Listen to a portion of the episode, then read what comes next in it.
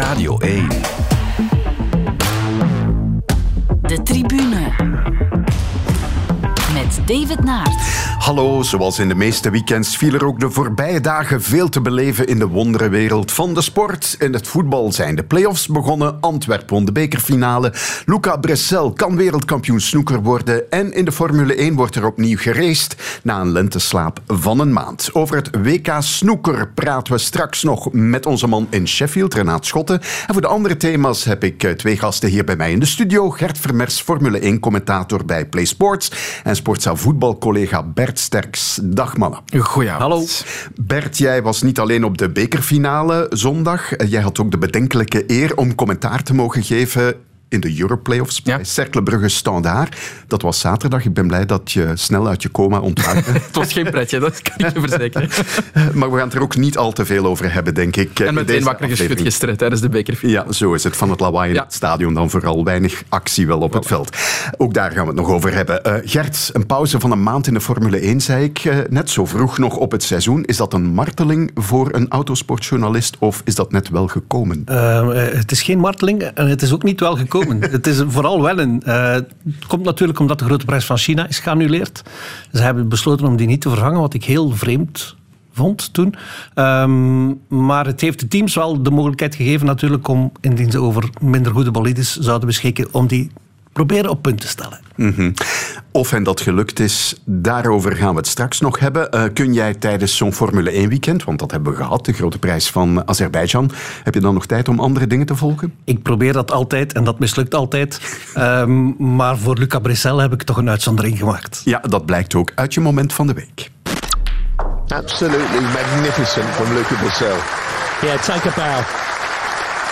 Can't get better than this, really. His attitude, the way he's thrown everything at O'Sullivan. Ronnie O'Sullivan has struggled, no two ways about it. But Brissell has produced the session of his life. Luca Brazil, 63, the friend. What an unbelievable display from Luca Brissell, the win of his life and one of the great performances in a single session at the Crucible in any year. Ronnie O'Sullivan's title defence ends in the quarterfinals. What did you say to Luca after? I just said, I hope you go and win it. I said, you played fantastic. It'd be brilliant for snooker, brilliant for you. You know, just best of luck. I said, you're an amazing player, unbelievable talent, because he is. He's incredible. You know, I've played snooker a long time. I've not seen anyone hit the ball as good and, you know, he just whips through it, you know, just whips through it. It's amazing, you know, um, lovely to watch. You know, I, I enjoyed watching him play. He has lit up this year's championships. He can be proud, Sijawi, of everything he has done. But the race is run for him. Brissell just needs to put this blue in, which he has. There you see what it means to him. What a fight back from Brissell, but what a championship from Sijawi. The standing ovation for both players.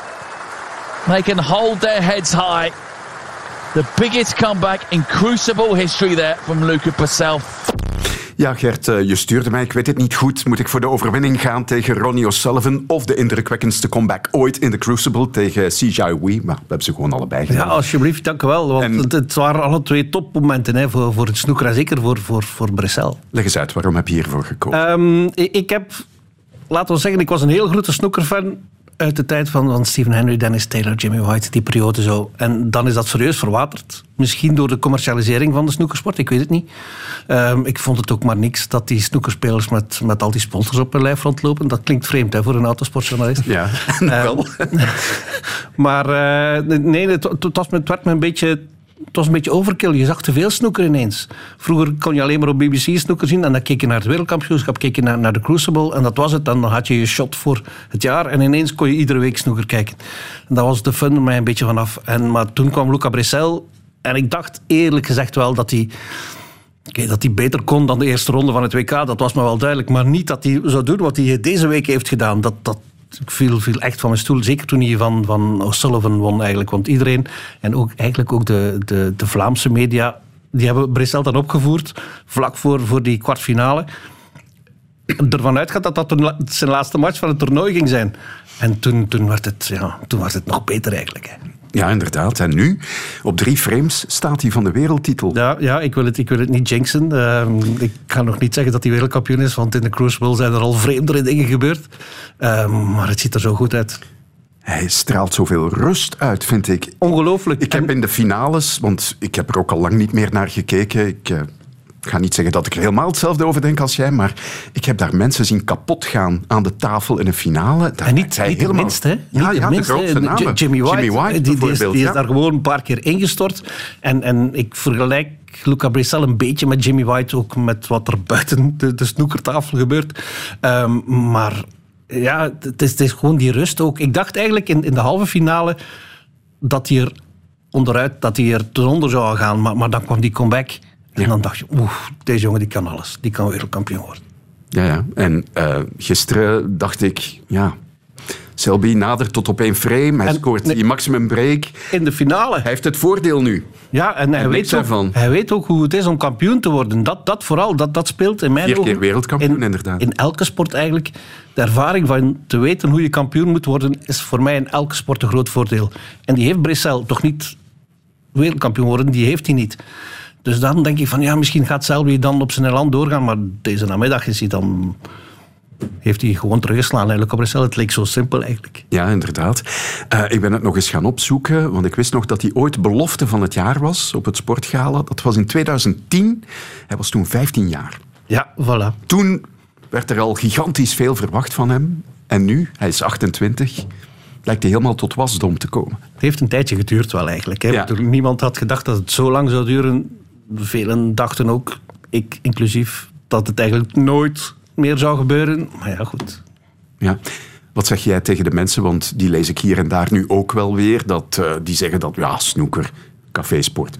Eh, er is een presentator bij PlaySports die vooral basket eh, prefereert. Dennis zou dat dus. nu kunnen zijn? Zou Ja. dat nu kunnen zijn? Die vindt snoeker geen sport. Ja, Dennis, snoeker is wel een sport. Eh, het, het is niet omdat je, zoals hij zegt, ja, maar je, je zweet nooit bij snoeker. Nee, dat klopt. Nou, meestal niet. Het angstzweet kan je wel Ja, ja dat wel. Maar, maar de mentale confrontatie tussen die twee spelers. En het is ook technisch moeilijk. Hè. Ik bedoel, iedereen die ooit een keu in zijn handen heeft gehad, zal wel weten hoe moeilijk het is om te snoekeren. Ehm, maar de mentale confrontatie, de mentale uitdaging, vind ik ook sport. En dus je moet niet met een bal met lucht spelen om het eh, een sport te vinden, vind ik. Ja, en we berichten er ook met plezier over natuurlijk. En dan gaan we eens luisteren naar het moment van Bert. Ball back pass low. It's going to let Elliman and Jai in. And Jai turns one on one with the keeper. Oh, He's going to square it to Sonderberger. And Sonderberger will tuck the ball into the corner. A nightmare moment for West Bromwich Albion. But what a monster of a moment that is from the big Norwegian. He celebrates in the far corner in front of a jubilant cop end. Could that be the goal that sends Sheffield United back to the Premier League? We have played 13 minutes in the second half. Sunderberger is the man to get the goal. Sheffield United 1, West Bromwich Albion nil. Sander, congratulations back in the Premier League. Let's just get your immediate thoughts on that performance today. Yeah, huge. Uh, obviously, a little bit uh, nervous when you go out and you know what's on on uh, stake. You know, uh, we knew we had four games to do it, but uh, these two home games was was special, and just finishing it tonight was uh, fantastic.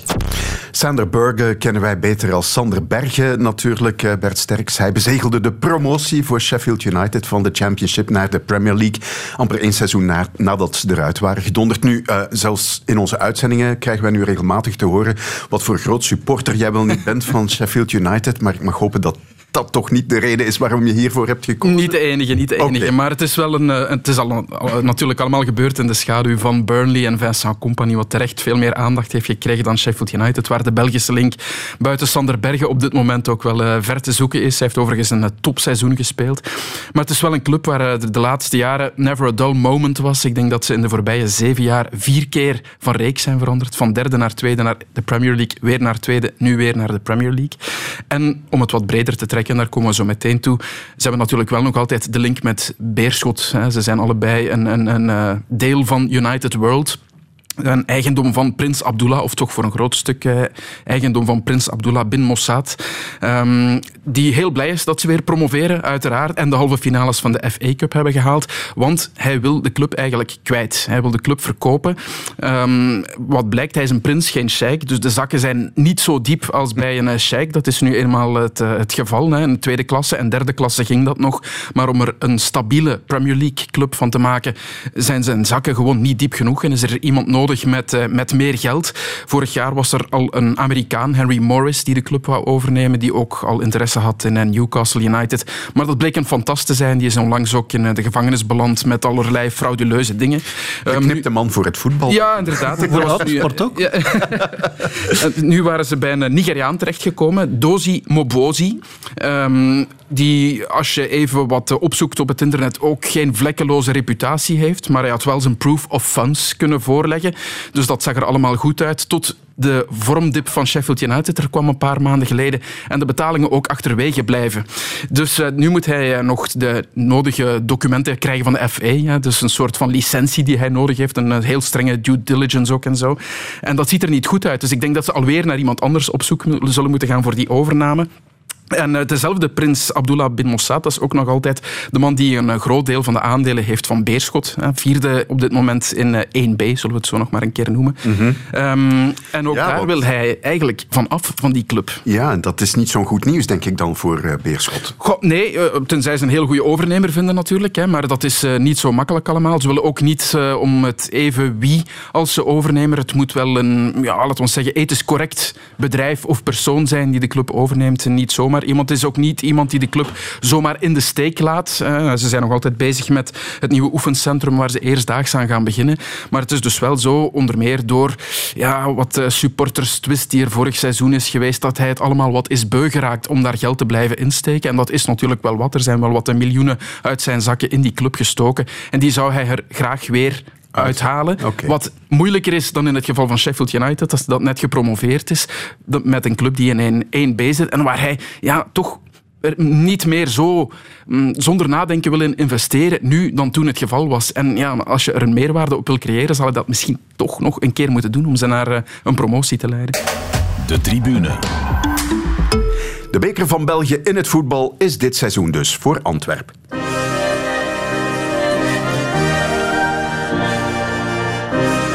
Mooier wordt voetbal niet. Je kan het zien, het is een prachtige, zonnige lentedag, warme dag. Het stadion loopt stilaan helemaal vol. De sfeer is nu al geweldig. Het zijn twee mooie clubs met toch een beetje Engels aandoende supporters. Het enthousiasme is nog altijd even groot op de tribunes. Maar er mag wel zachtjes aan wat vuurwerk op het veld gaan komen. Terwijl we nu op dit moment een penalty krijgen voor Antwerpen. De overtreding van Dries Wouters, een overduidelijke penalty. Jansen met de aanloop en erin. Nee, het moet opnieuw. Het moet opnieuw. Lardon had al gefloten. Nieuwe kans voor Vincent Jansen. En opnieuw erin. Het is 1-0 voor Antwerpen. Vincent Jansen. Dan weer, ook op weg naar de dribbel. Moeja, goede beweging. Haalt de doellijn. Moeja, de voorzet komt. Koeken erbij. En opruimen op het gemakje door Schoofs. Maar oké, okay, het vierde kwartier heeft ons dan tenminste toch van alles gegeven waar we drie kwartier op hebben zitten wachten in de eerste periode. Uh, ruimte voor Kelvin Stenks. Twee mensen wachten voor de goal. Daar is Balikwisha. Daar is het 2-0.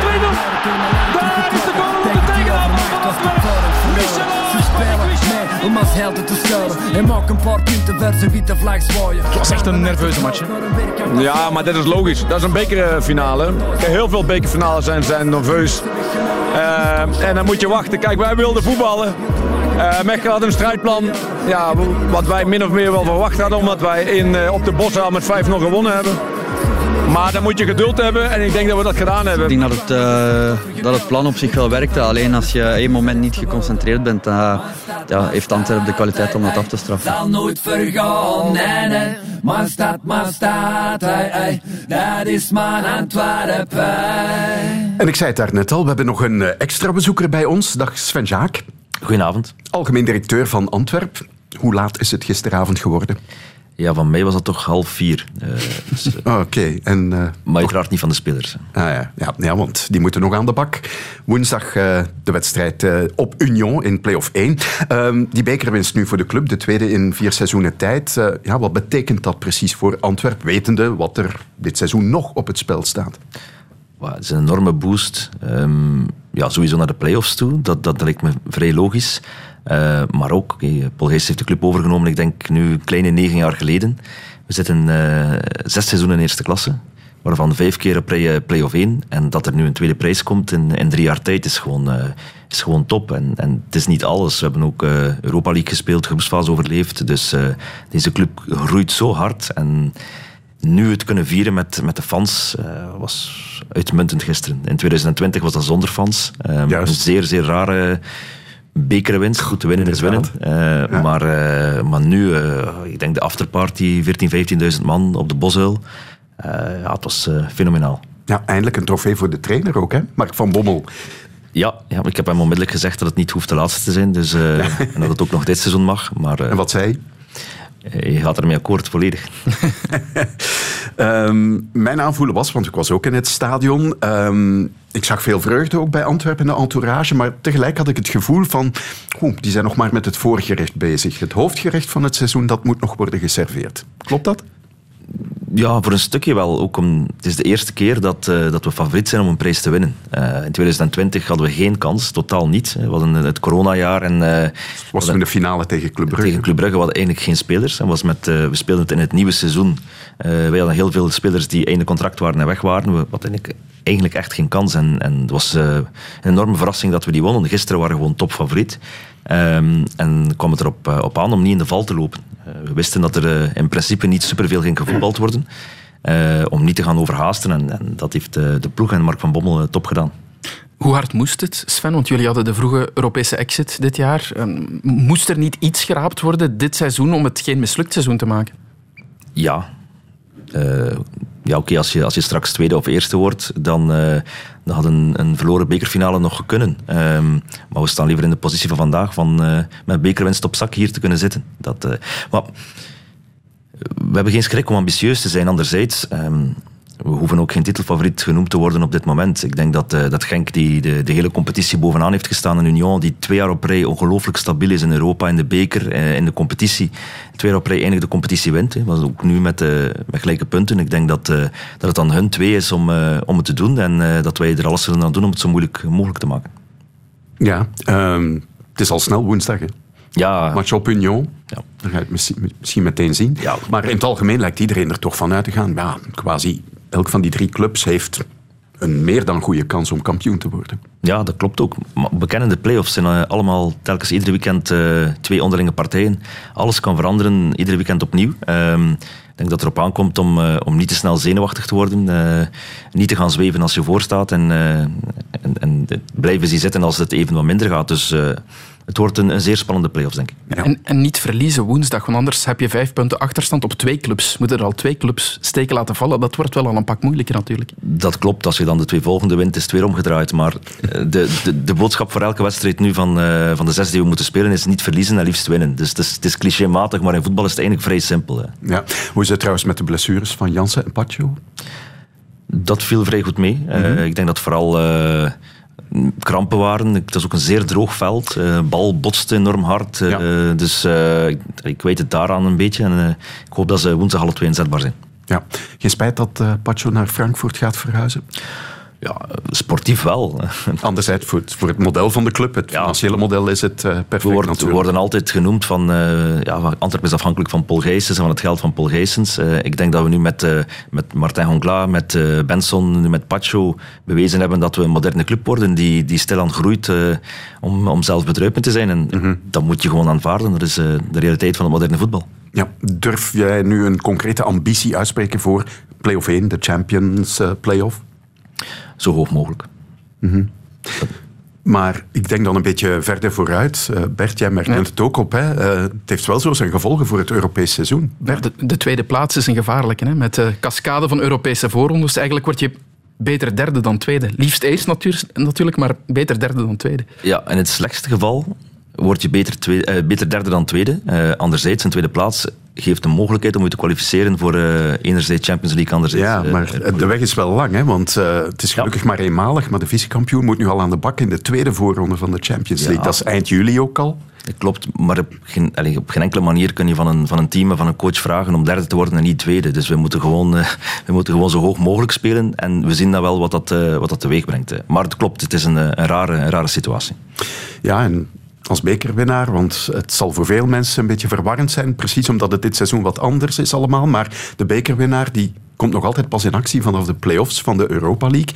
Ja, dan zit je al eind augustus, dan is de competitie ook al een maand aan de gang.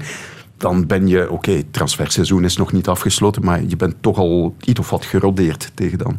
Ja, dat is de bedoeling. Het hangt ook nog een klein beetje af van de sancties van Rusland. Van Rusland. eh, dus eh, Ja. ook daar eh, moeten we nog rekening mee houden. Maar ah, dit seizoen hebben we zes wedstrijden gespeeld in Europa voor, eh, voor eind augustus. We zijn gestart, het seizoen gestart met een Europese wedstrijd, 21, 20 of 21 juli. Ehm, er zijn idealere scenario's, maar het is nog altijd beter dan geen Europees spelen, denk ik. Oké. Ehm, Sven, je zit straks nog in extra time bij de collega's eh, van televisie. Daar gaan ze ongetwijfeld nog veel meer over Antwerp praten. Maar bedankt om al even langs te komen in de tribune. Met plezier. De tribune. De play-offs die zijn dus al begonnen. Twee wedstrijden hebben we gehad in eh, de Europe Playoffs, Play-off 2. En gisteravond, zondagavond, won Racing Genk op het hoogste niveau dus van Club Brugge. Rick de Mil, goedemiddag. Eh, ik las in een krant dat een, een computer berekend had dat jullie 0,6% kans hadden of hebben op de titel. W- wat denk jij daarvan? Ja, ik heb dat ook gelezen, dus eh, ik heb dat ook eh, tegen mijn spelers gezegd. Yeah. You know what? I like the players. No diggity.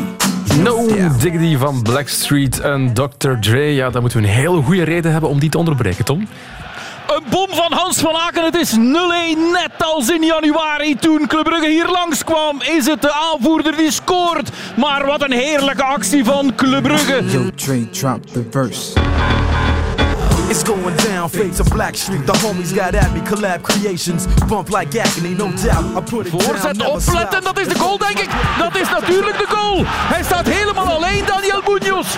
En het is eh, 1-1. De eerste keer dat de Racing Genk over echt kwam dreigen in de 16. Ze hebben kunnen onmiddellijk terug aansluiten bij jou, Tom. Goal van Racing Genk uit een standaard situatie. Mark McKenzie is de Amerikaan die scoort. Hij komt aangelopen, wordt niet opgevangen door Club Brugge en kopt hem mooi in het hoekje. Heine op een acrobatische manier.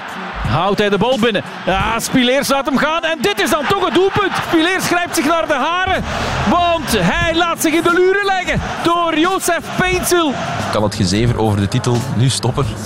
Ja, kijk, ik vond het eigenlijk geen gezever. Ik vond het, eh, ik vond het, ik vond het goed. De vraag van geloven wij daar nog in? Uiteraard.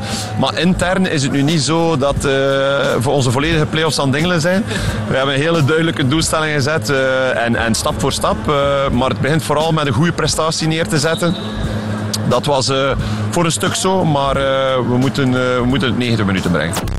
Dat klopt inderdaad, maar niet onbelangrijk. eh, Bert Club is ondertussen wel al zeker van Europees voetbal, met dank aan Antwerpen. Ja, en is misschien een club die, als het eh, wat sterke namen kan houden, ook wel goede dingen kan laten zien in de Conference League. Hè. Want, eh, Tweede voorronde. Voilà, inderdaad. Het is heel ver, maar wel allemaal redelijk haalbaar, denk ik, voor een club eh, met de status van Club Brugge. En we hebben dit seizoen gezien wat er mogelijk is in die Conference League die de Belgische clubs wel eh, lijkt te liggen. Ja, eh, was jij een van die 0,6 procent die... ja, het was een theoretisch model, maar geloofde jij nog in de Nee, kansen nee, van Club? nee, hè? nee, nee. En je hebt nu helemaal een play-off 1 met 3. En ja, het is heel duidelijk geworden dat de prestaties vlak voor de play-offs tegen Eupen, dat nergens meer was, dat dat in niets te vergelijken is met wat nu voor de kiezen komt van Club Brugge. Dus nee, er zijn in het eh, hele seizoen te veel twijfels geweest bij eh, Blauw-Zwart. Te lang gewacht, denk ik, ook om Parker weer aan de deur te zetten. Ook al Mhm. was hij er nog niet lang, maar elke week was een week te veel, denk ik, eh, op dat moment. Dus nee, ik geloofde daar helemaal niet meer in. De, de achterstand was al te groot. En alleen, alleen met een zege nu op die eerste speeldag waren er misschien een paar die er toch nog in geloofden, maar nee. Ja, dus drie kandidaten, zoals we daarnet Mhm. al zeiden. Ik denk wel, als Genk dat niveau van de tweede helft kan evenaren in elke wedstrijd, ja, dan zijn zij misschien nog net iets meer favoriet dan Union en Antwerpen. Ja, het is ook de club, denk ik, die het eh, hele seizoen, over het hele seizoen bekeken, het leukste en het beste voetbal heeft laten zien van die eh, drie clubs. Bij Antwerpen hebben we gisteren ook gezien. Is het toch net wat realistischer allemaal. Het eh, trendeert op zijn eigen manier. Maar bij Genk is het allemaal... ook tegen een heel verdedigende Ja, ploeg voilà, natuurlijk. inderdaad, Mechelen, ja, ja. ja, wou vooral de nul houden. Maar Genk is toch wat eh, spectaculairder van eh, aanpak, aanvallender van aanpak met gisteren. Een wedstrijd waar ik erg van genoten heb trouwens eh, tegen Club Brugge, Club Brugge, vol gaswedstrijd. Ehm, met een ijzersterke rechterflank die we in het begin van het seizoen ook vaak hebben be- bewierookt. Hè, met eh, Munoz en Peinsel. Eh, ze hebben laten zien hoe kwetsbaar Club Brugge op stilstaande fases was ook een paar keer. Er was niet alleen het uh, doelpunt, maar ook nog dat afgekeurde doelpunt. Dus op alle manieren kunnen ze wel voor wat dreiging zorgen. En wat zou dan de sleutel misschien kunnen zijn straks? Ja, iedereen weet dat er na het eh, vertrek van Onuachu een grote leemte is eh, gevallen. Hè. Dat is niet nieuw. Dus de sleutel zou kunnen zijn, de nummer 9 positie, begint die echt te scoren of niet? Samatta, wordt dat opnieuw de oude Samatta of de andere man, Arokodare, die nu weer fit is? eh, is dat de man die dan de verlossing kan brengen? Dat zou een heel, heel belangrijk iets kunnen zijn. Ja, en voor de rest is een beetje gissen natuurlijk. Wachten op eh, die wedstrijd woensdag van Union tegen Antwerpen. Ja, daar gaan we toch wel weer wat wijzer worden. Hè. Dus zoals ik zo net zei, als Antwerpen daar verliest, dan zou het kunnen dat ze al maar met twee meer zijn. Want ja, die moeten echt al hopen op twee clubs die, met, eh, die steken laten vallen, die met de punten beginnen te morsen. Dat is echt al heel veel moeilijker dan eentje moeten achtervolgen. Maar twee, die ook nog eens allebei een, een hoog niveau halen, toch al eh, wekenlang. Dat, dat, daar geloof ik al een pak minder in. Ja, zullen we eens kijken naar de Europlayoffs, Playoff 2. Ehm, ja, het belangrijkste feit daar is dat de winnaar daarvan nu ook al zeker is van Europees voetbal. Laten we hopen dat dat het niveau de komende speeldagen ten goede gaat komen. Al gaf Gent wel het goede voorbeeld vrijdag natuurlijk. Ja, inderdaad. En er is al, ook al wel wat afscheiding. Gent, Standaard en de rest daaronder. Hè, door eh, de zegen van Gent. Dan moet ik zeggen, halfweg, dat ik even mm, Oh, nee, in de schoenen van ja. eh, Michel Louagie en Ivan de Witte had eh, willen staan. Want ja, dat, ze hadden net Europese verwerkt. Dat zeker wel, want dat was op zich logisch dat er eh, daar niet werd doorgegaan. West Ham op volle sterkte was gewoon een mate sterk. Maar dan die laatste speeldag van de reguliere competitie, die was heel hard aangekomen bij AA Gent. En we spreken in de journalistiek soms te snel van een mokerslag, maar dat was er daar wel één in de Gentse bestuurskamer, daar kan je van op aan. En halfweg die wedstrijd nu vrijdag dacht ik van, oh, en stel nu, stel nu, en het is ook zo uitgekomen dat Antwerpen die beker wint en Gent verliest deze eerste wedstrijd, waardoor het geloof nog kleiner wordt in dat Europees voetbal, waar ze zo graag hè, een jaar na jaar bij horen bij AA Gent. En dat lukt ook elk jaar weer. Dat zou eh, nog een keer driedubbel hard zijn aangekomen.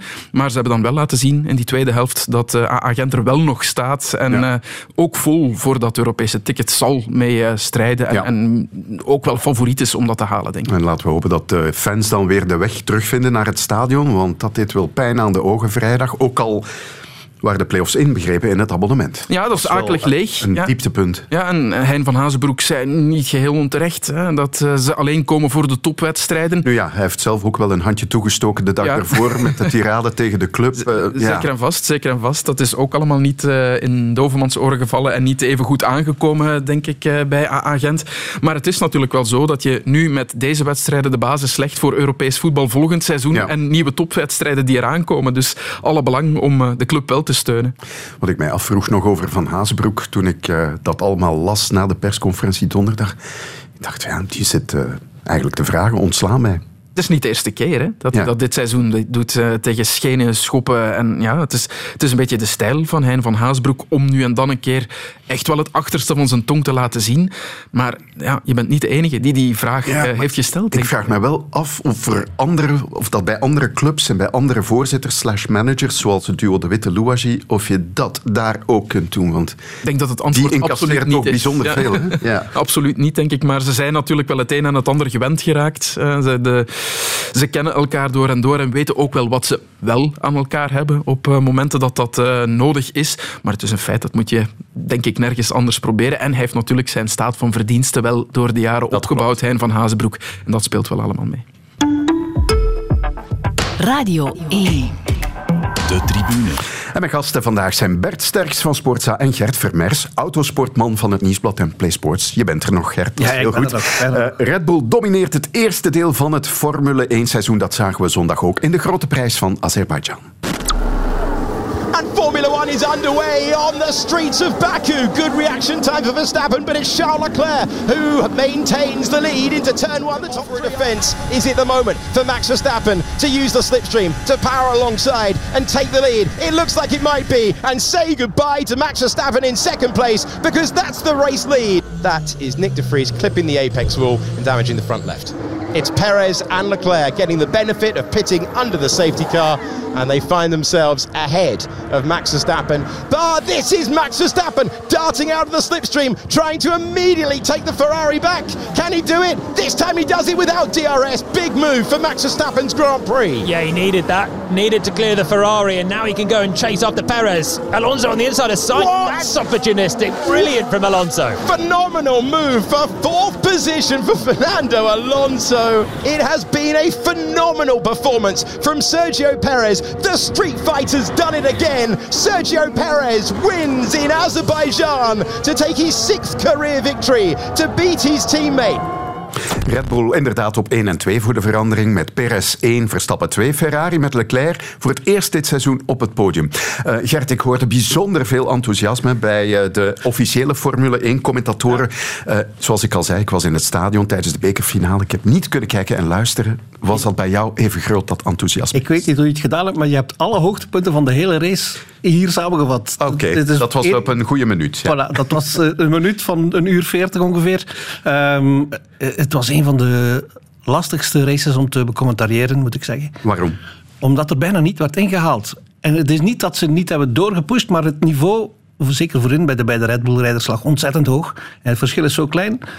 Perez die Verstappen op een seconde drie houdt, een ronde lang, meer dan 30 ronden lang, en dan op het eind nog zelfs een beetje wegrijdt van Verstappen. Dat is een uitstekende prestatie, maar het is niet spectaculair om te bekijken natuurlijk.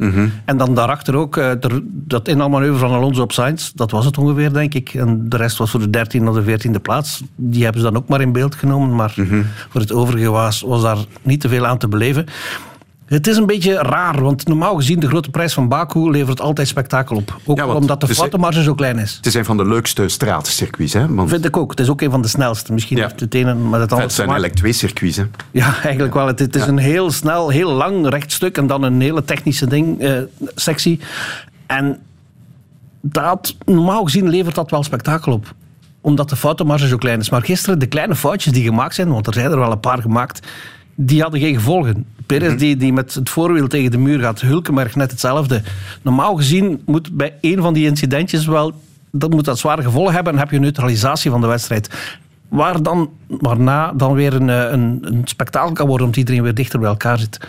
Dat is er gisteren niet van gekomen. Vandaar ook dat de, de race op zich eigenlijk niet zo boeiend was. Ja, je zei me vooraf ook, eh, ja, die sprintrace, eh, ik vond het maar niks. Eh, voor alle duidelijkheid, er zijn in totaal zes van de 23 Grand Prix waar we getrakteerd worden op een sprintrace op zaterdag. Dus het format, ik zal het snel even samenvatten. Op vrijdag hebben we nog een vrije training en in de namiddag de kwalificatie voor de grote prijs op zondag. Op zaterdag voormiddag de kwalificatie voor de sprintrace, die dan in de namiddag op zaterdag wordt gereden. En ik Waarom dacht- vind je dat maar niks? En ik die dacht dat de Europa League en Conference League dat dat ingewikkeld was. Eh, waarom vind ik dat niks? Eén, ik ben een beetje een purist op dat vlak. Ik vind niet dat je via een race moet kwalificeren voor de eigenlijke grote prijs, zoals tot vorig jaar het geval was. Nu hebben ze die zaterdag daar eigenlijk gewoon uitgelicht en een apart evenement gemaakt in mijn ogen. En dat in de hoop dat dat meer spektakel zou opleveren. Maar het is net het omgekeerde. Geen enkel van de rijders, geen enkel van de teams gaat proberen om veel punten te winnen. Want je kan ten eerste al niet veel punten winnen in zo'n sprintrace. Maar ze gaan ook niet geen risico's nemen om de race van zondag, die wel belangrijk is qua punten, om die in gevaar te brengen met schade, met eventuele straffen die ze zouden kunnen oplopen. Dus het is ook weer processierijden zoals het tot vorig jaar was. Bovendien is de kloof, of het, het- ja, de kloof eigenlijk tussen de kwalificaties op vrijdag en de race op zondag zo groot. Je hebt ook een serieuze dip nu, omdat die zaterdag er volledig is uitgelegd. Alleen helemaal op zichzelf staat. Dus de spanningsboog klopt helemaal niet van zo'n weekend. Het grote voordeel aan zo'n weekend is wel dat er maar één vrije training is. Dat vind ik prachtig. Dat moet genoeg zijn om Dat genoeg data te verzamelen. Dit, Ja. zijn, dit zijn de tussen aanhalingstekens beste rijders ter wereld. En die moeten daar genoeg aan hebben aan dat uur voorbereiding.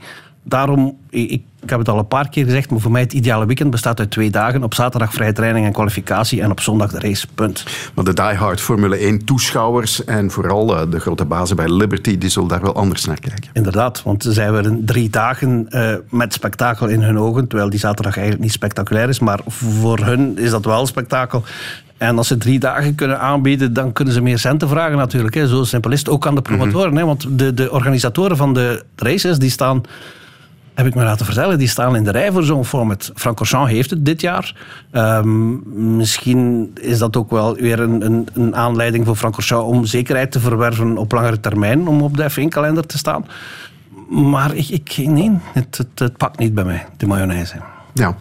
Zullen we eens kijken naar het Formule 1 seizoen tot nu toe? Uh, ja, Red Bull, dat werd helaas al veel te snel duidelijk, is te sterk voor de rest. Ook nog altijd na die break van een maand waarin de teams wel de kans hadden om te sleutelen aan de wagens en, Ja, en dingen te verbeteren. Maar het voordeel van Red Bull aan het begin van het seizoen was te groot. Ze hebben eigenlijk de lijn van vorig jaar doorgetrokken, zo simpel is het.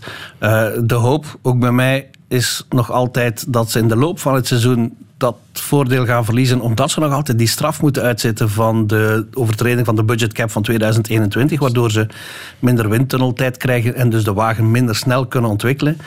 Maar ik vrees een beetje, zelfs al gaat die kloof worden gedicht, dan nog is het verschil wat ze nu hebben zo groot dat het kampioenschap eigenlijk tussen de twee Red Bull-rijders zal gaan. En dan hoop ik, hoop ik dat Sergio Perez het niveau van gisteren kan aanhouden. Het is niet onmogelijk hè, dat een tweede rijder eh, kampioen wordt. Nico Rosberg heeft dat bewezen tegenover Lewis Hamilton eh, bij Mercedes. Maar het zal lastig worden, hè, dat weet Ja. iedereen. Voor alle duidelijkheid, zondag in Baku, eh, zowel voor, eh, Perez op één als Verstappen 2 hebben wel voluit doorgeduwd. Hè. Het is niet dat het een cadeau was hè, Nee, nee, nee, nee, van absoluut Verstappen. niet, nee, nee, nee, nee, absoluut niet. Max Verstappen geeft geen cadeaus, zo simpel is het. Mhm. Die wil alles winnen en die wil zeker zijn, zijn teammaat kloppen. Ehm, maar dat is het net. Het niveau van de Red Bull is, is zodanig hoog dat ze maar enkel met elkaar rekening moeten houden. Moest daar nog iemand anders zich kunnen tussenwringen, dan zou dat misschien in het voordeel van Verstappen zijn, want die heeft daar meer ervaring mee om zich wat te, te verweren. Nu is het enkel Perez tegen Verstappen en veel hangt af van teambaas Christian Horner zegt ze mogen nu strijden. Ook al omdat er niemand anders is. Hè. Mhm. Dus ze mogen nu voor het spektakel zorgen. En Mogen ze echt strijden? ik denk het wel. Mhm. Ik denk het wel. Ehm, als het er echt op aan zal komen, dan vermoed ik dat Max Verstappen nog altijd in de bovenste schuif ligt. Bij Christian Horner. Ehm, maar nu, aangezien er geen concurrentie is, waarom, waarom zou je niet strijden? Als, moest er nu nog bij Red Bull teamorders zijn, ja, dat, is helemaal, dat is, krijg je eigenlijk de situatie van Michael Schumacher begin deze eeuw. Ja, Ferrari was toen ook superieur en Michael Schumacher die was, die moest voor Rubens Barrichello. Onaantastbaar, Voilà. ja. Dus, en dat, dat is niet vast voor de Formule 1. Hè. Mhm. En dat beseffen ze ook wel. Oké, want eh, Perez zei alvast dat hij gelooft in zijn kansen en dat hij het kan waarmaken. Ja, tot voor dit weekend was hij de enige die dat dacht, denk ik. Nu gaan er toch al een paar meer mensen zijn die dat denken en die dat misschien ook hopen. Want, want je hebt iemand nodig hè, die Max Verstappen moet, eh, moet kunnen aanvallen. En is hij beter dan Max Verstappen? Over een heel seizoen eigenlijk niet. Maar je weet nooit wat er gebeurt in de loop van het seizoen. Er werd ook verwezen naar die relatief vroege safety car in de wedstrijd in Baku. Ehm, ja, waar Max Verstappen, die was al vroeger Ja, binnengekomen om van banden te wisselen, dus had dat voordeel niet. Heeft dat een, een bepalende rol gespeeld in de overwinning van Perez? Ehm, Of jullie kijken natuurlijk, ik weet het maar. Het, het is... Ik vind het moeilijk om te zeggen. Er zijn velen die zeggen dat hij gewoon gewonnen heeft dankzij die tussenkomst van de safety car, waardoor hij eigenlijk in vergelijking met Max Verstappen een minder lange pitstop heeft moeten maken en daardoor voor Verstappen op de bank kwam. Maar vlak daarvoor had Perez al de kloof gedicht richting Verstappen. Zat hij al onder de achtervleugel van Verstappen. Dus, en ik denk ook wel dat hij voorbij Verstappen was geraakt. Ja. Maar hij heeft daar de kans niet voor gehad om dat op de piste te bewijzen. Dus ik zou niet zomaar zeggen dat hij enkel dankzij die safety car eh, heeft gewonnen gisteren. Ja, Eh, die lentebreak, ehm, had jij, ja, wat is jou opgevallen bij de andere teams? Vooruitgang, stagnatie, achteruitgang? Ehm, Het enige wat mij is opgevallen is dat McLaren een beetje uit de dieperik is geraakt. Eh, dat het verschil tussen eh, achter Red Bull, dat die verschillen heel klein zijn geworden. En dat is ook een beetje de bedoeling van, van die nieuwe reglementen, hè, van die budgetcap ook. Het is alleen jammer dat daar nog een team bovenuit steekt eigenlijk. Ehm, het is een beetje onvoorspelbaar wie tweede, derde, vierde wordt. Dat is het enige positieve wat ik na die maand break kan, eh, kan bedenken. Mhm. En in het algemeen eh, had jij van Ferrari meer verwacht? Ja. Ik had vooral meer verwacht van Charles Leclerc. Hij heeft een catastrofaal seizoensbegin gehad. Die, die had tot voor dit weekend zes punten uit, uit drie wedstrijden. Nu heeft hij toch al een podium gereden. Maar hij, hij weet ook wel dat de achterstand van Ferrari op, op Red Bull nog altijd groter is. Nog altijd te groot is eigenlijk. En de, ja, de effecten van de nieuwe teamma's, van, van Fred Vasseur, die zijn nog niet merkbaar. Maar ja, je kan niet blijven wachten. hè. Mercedes net hetzelfde. Daar, daar zit, komen ze nu tot het besef dat die wagen waarmee ze vorig jaar al dachten dat die niet goed genoeg was, waarvan ze dan toch dachten, ja, misschien gaan we er toch nog iets kunnen mee doen, dat gaan ze nu toch niet doen. Ja, dan met, met zo'n houding, je moet snel kunnen beslissen hè, in de Formule 1. Dat is het. En dat verbaast mij wel van zo'n op- en top professioneel team als Mercedes. Mij ook. Mij ook. Ze hebben zich een beetje ja, in slaap laten wegen misschien, hè, gedurende die zeven jaar dat ze alles eh, gedomineerd hebben. En, en die wagen van vorig jaar, die zat aan zijn limiet. En dat hadden ze eigenlijk vorig jaar moeten beseffen. Ze hebben die lijn nu toch doorgetrokken naar de wagen van dit jaar. En nu komen ze tot de vaststelling, na twee races eigenlijk al, dat het toch niet goed genoeg is. En ik vraag me dan ook af, iemand als Lewis Hamilton, die toch in de laatste jaren van zijn carrière zit, of die daar nog eh, voldoende motivatie kan uithalen om toch nog te proberen die wagen opnieuw op het niveau te krijgen. En er Karimal mee stoppen of toch overstappen naar elders? Speculeren, speculeren. Ik, ik, heb op, ik heb op 23 april een paar aprilgrappen gelezen. Ehm, nee, ik denk niet dat Lewis Hamilton nog ergens anders eh, aan de slag gaat. Ja, Ehm, het is een bijzonder lang seizoen. 23 wedstrijden in totaal. Ja, het lijkt nu al eh, buiten kijf te staan dat eh, Red Bull de wereldtitel zal pakken. Dat wel. Wordt dat dan een vervelend seizoen? Nee. eh, Waarom niet? ehm, we hebben dat ook al meegemaakt eigenlijk een paar jaar geleden toen Mercedes domineerde. Maar als je toen race per race bekeek, die races die waren best onderhoudend. Natuurlijk, als je kijkt naar de titelstrijd, dan wordt, vrees ik dat het een vervelend seizoen wordt. Maar de races op zich kunnen heel boeiend worden. Om te beginnen, eh, nu dit weekend al, Miami. Eh, opmerkelijk trouwens. Hè. Afgelopen weekend zitten ze bijna in Azië en dan snel, snel naar de overkant van de Atlantische Oceaan. Nog een geluk dat ze hun best gedaan hebben om een ecologisch verantwoorde kalender op te stellen. eh, om de verplaatsingen zo kort mogelijk te houden. Ja, dat, dat, ja, het is een beetje vreemd. Ik vind het ook. eh, en Miami, ja, Miami blijft Miami. Dat hebben we vorig jaar gezien. Dat is een en al eh, artificieel circuit. Ja, ik heb die race alleen onthouden omwille van eh, dat gedoe rond de aankleding. Ja, inderdaad. De, de jachthaven die daar ligt is eigenlijk eh, blauw beton. Hè. Daar, ligt, daar liggen gewoon de boten op het droge. Ehm, het circuit zelf heeft wel een beetje zijn voordelen, maar ik vrees dat de teams dat circuit nu ook wel onder de knie hebben. Vorig jaar was dat nog niet altijd het geval, wat dan weer tot wat extra spektakel leidde. Maar nu, ik weet het niet. Ik vermoed dat Ferrari weer tijdens de kwalificaties wel een vuist kan maken. Of ze dat gaan kunnen doortrekken naar de race, dat weet ik. Afspraak eh, komend weekend. Jij volgt het eh, voor de krant en op PlaySports. De tribune. Het is op dit moment maandagavond net kwart voor acht geweest. Over een dikke tien minuten begint de laatste sessie van de finale van het wereldkampioenschap snooker in Sheffield. En Luca Bressel begint er dadelijk aan met een voorsprong van 15 frames tegen 10 tegen Mark Selby, viervoudig wereldkampioen uit Engeland. Dag Renaat Schotten in Sheffield. Goedenavond, eh, David. David. Waar zit je precies, Renaat? Ik zit eh, in de Crucible, in de zaal, in eh, een VIP-box, naast Oh. een goede vriend van Mark Selby. Eh, die hopelijk voor jou geen Nederlands begrijpt dan. Hè? Nee, nee. nee. Oké. Ehm, ja, we hebben het hier al gezegd. Eh, Luca Bressel, die kan de wereldtitel nu echt wel ruiken. Ja, toch? Ja, dat is zo. Maar eh, als er één man is die kan terugkeren in deze omstandigheden, dan is het Mark Selby. En die woorden heb ik letterlijk van die kameraad van hem naast mij. En ik moet hem eigenlijk gelijk geven, want als je zijn WK-parcours in het verleden bekijkt of eh, bestudeert, dan, dan zie je dat het eigenlijk wel gekruid is met comebacks. Dus, maar laten we hopen dat er niet gebeurt vanavond. Hè. Ja. Eh, de Chinese tegenstander van Bressel in de halve finale, die dacht wellicht ook al eh, dat het in de pocket was. En je ziet hoe het dan kan keren. Ja, tuurlijk. Uiteindelijk heeft ehm Luca op dit moment één frame meer dan de Chinees. Maar goed, dat was een andere wedstrijd. En ik denk ook dat eh, ja, wanneer Brazil zijn niveau haalt van de sessie van middag, hij zal genoeg kansen krijgen. Hè. Hij moet er gewoon drie benutten. En dan is hij wereldkampioen. Ja, eh, je zei het, hij begon aan de tweede dag met amper één frame voorsprong op Selby. Dan zou je denken, ja, de Engelsman heeft toch het voordeel, want hij heeft een mooie inhaalrace gedaan. En dan nog die maximum break ook van 147. Maar kijk, uh, Bressel dat dan toch weer in handen. Maar heeft tot nu toe eigenlijk gewoon beter gespeeld. En ik had die conclusie eigenlijk al voor mezelf getrokken na de halve finales. Toen vond ik de partij tussen C en Bressel ook van een hoger niveau dan de, ja, de marathonwedstrijd tussen Allen en Selby.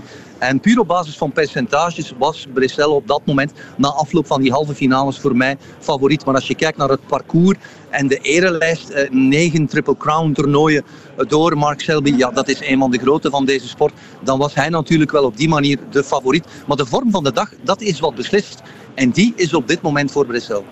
De vorm van het toernooi zou ik zelfs durven zeggen in het, in het geval van Bressel. Want het is echt wedstrijd na wedstrijd dat hij een bijzonder hoog niveau haalt bij momenten.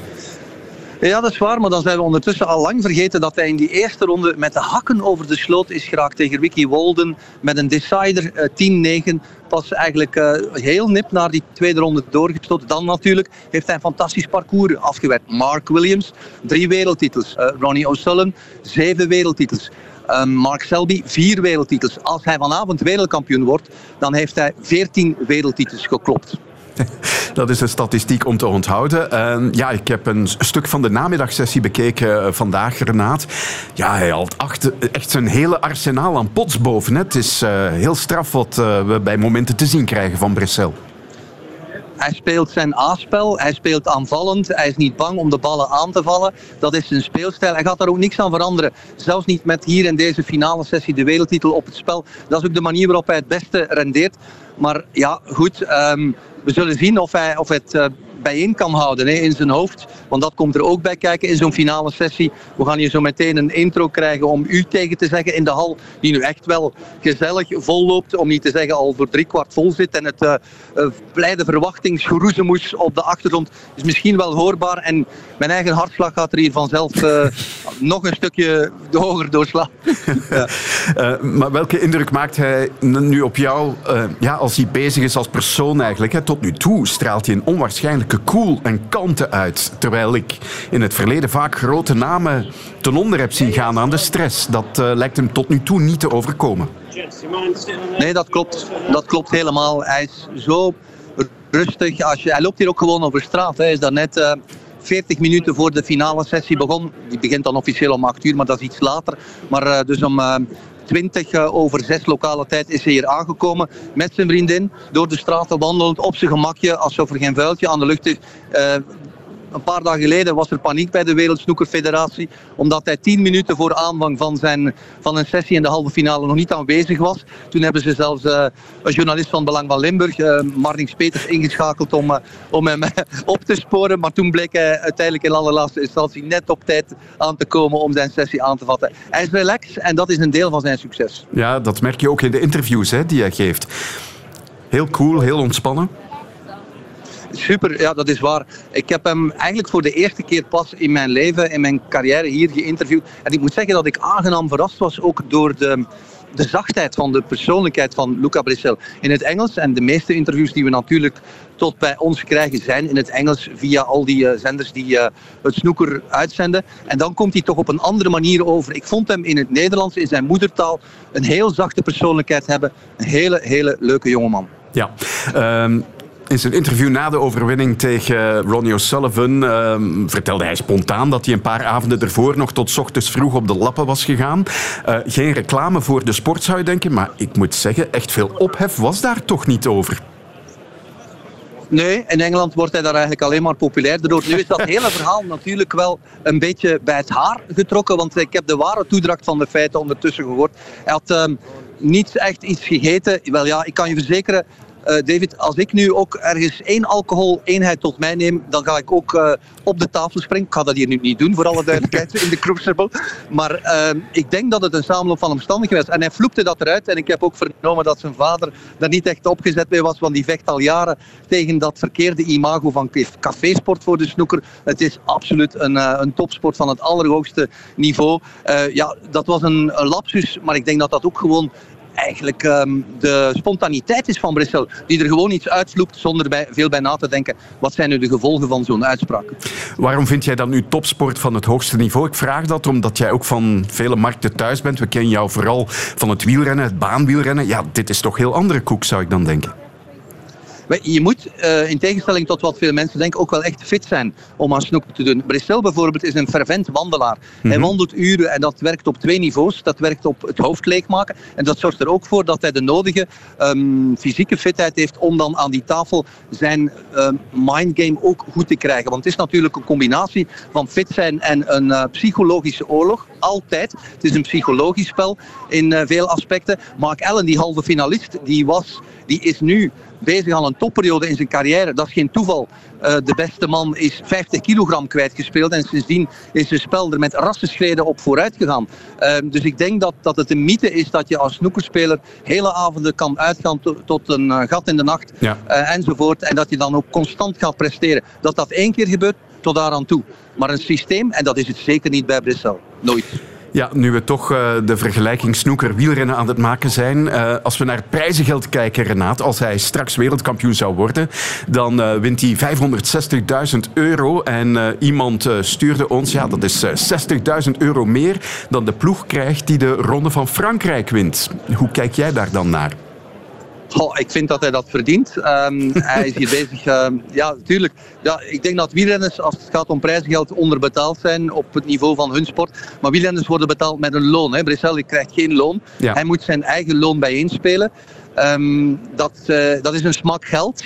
Eh, zeker, zeker. Dat is een klein fortuin, absoluut. Maar anderzijds, als je geen top 32, top 60 van de wereld bent, kan je verzekeren dat het voor heel veel snoekerspelers niet eenvoudig is om financieel het hoofd boven water te houden. Dus het is, eh, dat fortuin is weggelegd voor de toppers. En ik denk dat de gemiddelde snoekerprof eh, echt wel geen budget op overschot heeft. Want dat mogen we inderdaad niet vergeten. Ehm Bressel is al heel lang aan de weg aan het timmeren. Het heeft bloed, zweet en tranen gekost hè, om, om te bereiken wa- waar hij nu staat. Hij is begonnen met spelen toen hij negen jaar was. En die boetade van ik heb maar 15 minuten getraind voor dit wereldkampioenschap. Dat is natuurlijk ook ehm, ja, te, te gek om eh, los te lopen. Hij heeft 20 jaar getraind om hier vanavond klaar te staan om wereldkampioen te worden. Snoeker is een, ehm, een spel, een sport waarin je traint op lange termijn. En al die uren, al die dagen, al die eenzaamheid, al dat reizen, dat zit allemaal in die ene sessie hier vanavond waarin hij wereldkampioen kan worden. Hier gaat 20 jaar trainingsarbeid aan vooraf. Snoeker is per definitie, zelfs als je zo'n reuzentalent bent als eh, Luca Brissel, een sport waarin je door training heel veel kan bereiken. Hij koppelt dat talent eh, aan veel training. Hij heeft misschien niet veel gedaan kort voor dit WK, maar al die andere trainingsuren en dagen en weken, ja, dat kan, zorgt ervoor dat hij straks zo meteen wereldkampioen kan worden. Drie frames nog, Renaat. Drie. De aankondigingen gaan beginnen. Ah, ga- wil je nog een vraag stellen? Dan ga ik even buiten. Nee probleem, hoor, hè? nee hoor, we gaan eh, afronden en je aandachtig laten kijken. Hopelijk wordt het straks een historische avond voor Brussel en de Belgische sportrenaat. En dan drink je er maar een eh, goede Guinness op. Ga ik doen, ga ik doen. Oké, tot later. Oké.